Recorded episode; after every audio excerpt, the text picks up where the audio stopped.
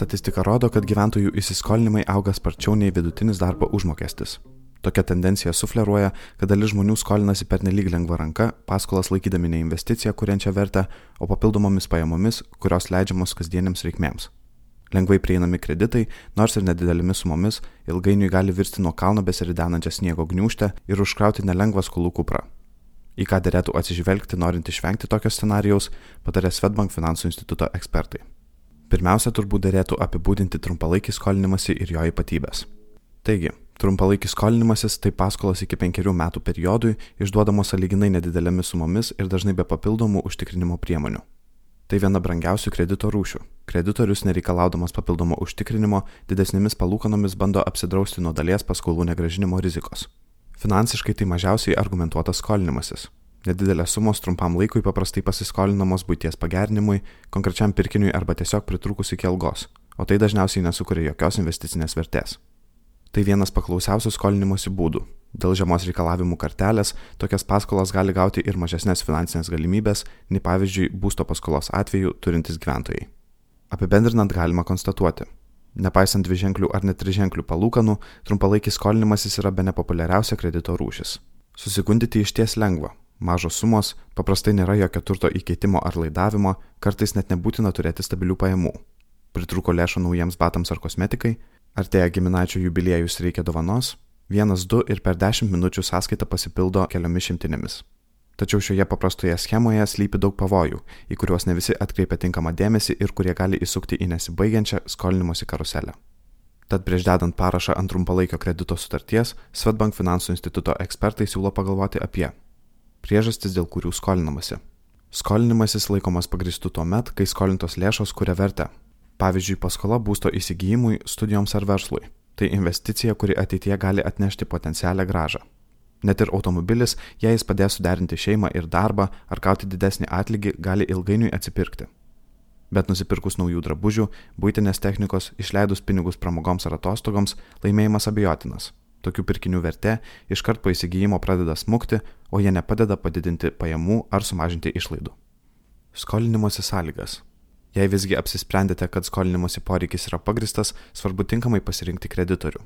Šiais laikais, kai paskolinti gali ne tik giminaičiai, draugai ir bankai, bet ir nepažįstamos babutės, būtina detaliai išsinagrinėti kreditorių siūlomas sąlygas.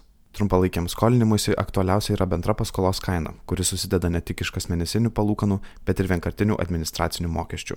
Vertinant palūkanas, svarbu lyginti metinę jų normą. Jei žvelgsite į vieno mėnesio ar vienos dienos palūkanas, kaip dažnai peršama reklamose, skaičiai bus apgaulingai maži. Pavyzdžiui, 0,5 procento už vieną dieną skamba priimtinai ir nebaugiai, bet jei skolinimasi metams, tai jau taptų 182,5 procentais. Galima paskaičiuoti ne procentinę, o vertinę išraišką. Jei daiktas kainuoja 100 eurų, tai įsigijus su paskola, kuriai taikomos vos 0,5 procentų už dieną palūkanos, po 6 mėnesių jo kaina išauks iki 190 eurų o su paskola, kuriai taikoma 15 procentų metinių palūkanų norma, vos 107,5 eurų. Taigi visuomet verta pasitikrinti, ką iš pirmo žvilgsnio maži skaičiai reiškia iš tiesų. Ar verta permokėti?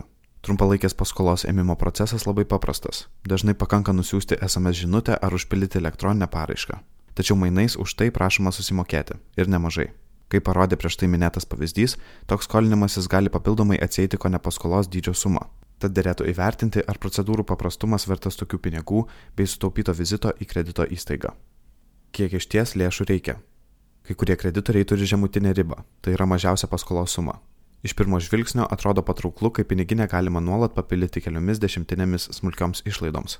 Tačiau jei reikalinga suma yra mažesnė nei 50 eurų, vargu ar apskritai skolinimosi poreikis yra pagristas, Nenumatytiems atvejams, tokiems kaip lyga ar sudužęs automobilio žibintas, turėtų būti naudojamos santaupos. Žinoma, ne visi jų turi, tačiau galbūt labiau apsimokėtų pakeisti elgesio strategiją, pavyzdžiui, kurį laiką pasivaikščioti pestute ir palūkėti kitos algos.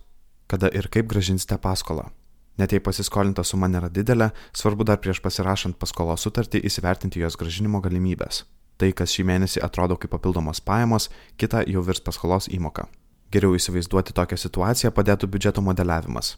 Pavyzdžiui, jei paprastai mėnesiui pakanka 1500 eurų, tai su paskola ši suma padidės mažiausiai 100 eurų, o laiku neapsižiūrėjus ir pavėlavus pervesti įmoką, ši suma dar padidės. Taigi svarbu apgalvoti, iš kokių šaltinių šie pinigai bus gražinami. kaip žvirblis virsta briedžiu. Apsirūpinus šiandien ir rytoj numoti ranką neverta. Lengvabudiškumas niekaip nedėra su žodžiais paskola ar finansinis įsipareigojimas. Nėra nereikšmingų sumų, mažiau svarbių mokėjimų ar sąskaitų, mažų pradėlstų mokėjimų, tik kelių pradėlstų dienų ir taip toliau. Kiekvienas centas ir kiekviena diena yra svarbus, jei ne dabar, tai ateityje. Jau vien dėl to, kad net menkiausi finansiniai nuklydimai, nesvarbu ar tai pradėlsta paskolos įmoka ar 20 eurų skola už telefono ryšį, fiksuojami asmens kredito istorijoje. Pastarosios įrašus sumenkinti nevertėtų, jie gali rimtai apkartinti tolimesnius planus. Pavyzdžiui, užkirsti kelią gauti paskolą būstui ar ją gerokai pabranginti, net sutrukdyti įsigyti lizingų televizorių ar kompiuterį. Maža to, ir keliasdešimt eurų vėliau dėl delspinigių gali grėsti antstolių kreipimusi ir reikalavimų padengti dar ir skolos išieškojimo išlaidas. Girdėjote blog.svetbank.lt įrašą, kurį įgarsino Kristijonas Vaičiukauskas.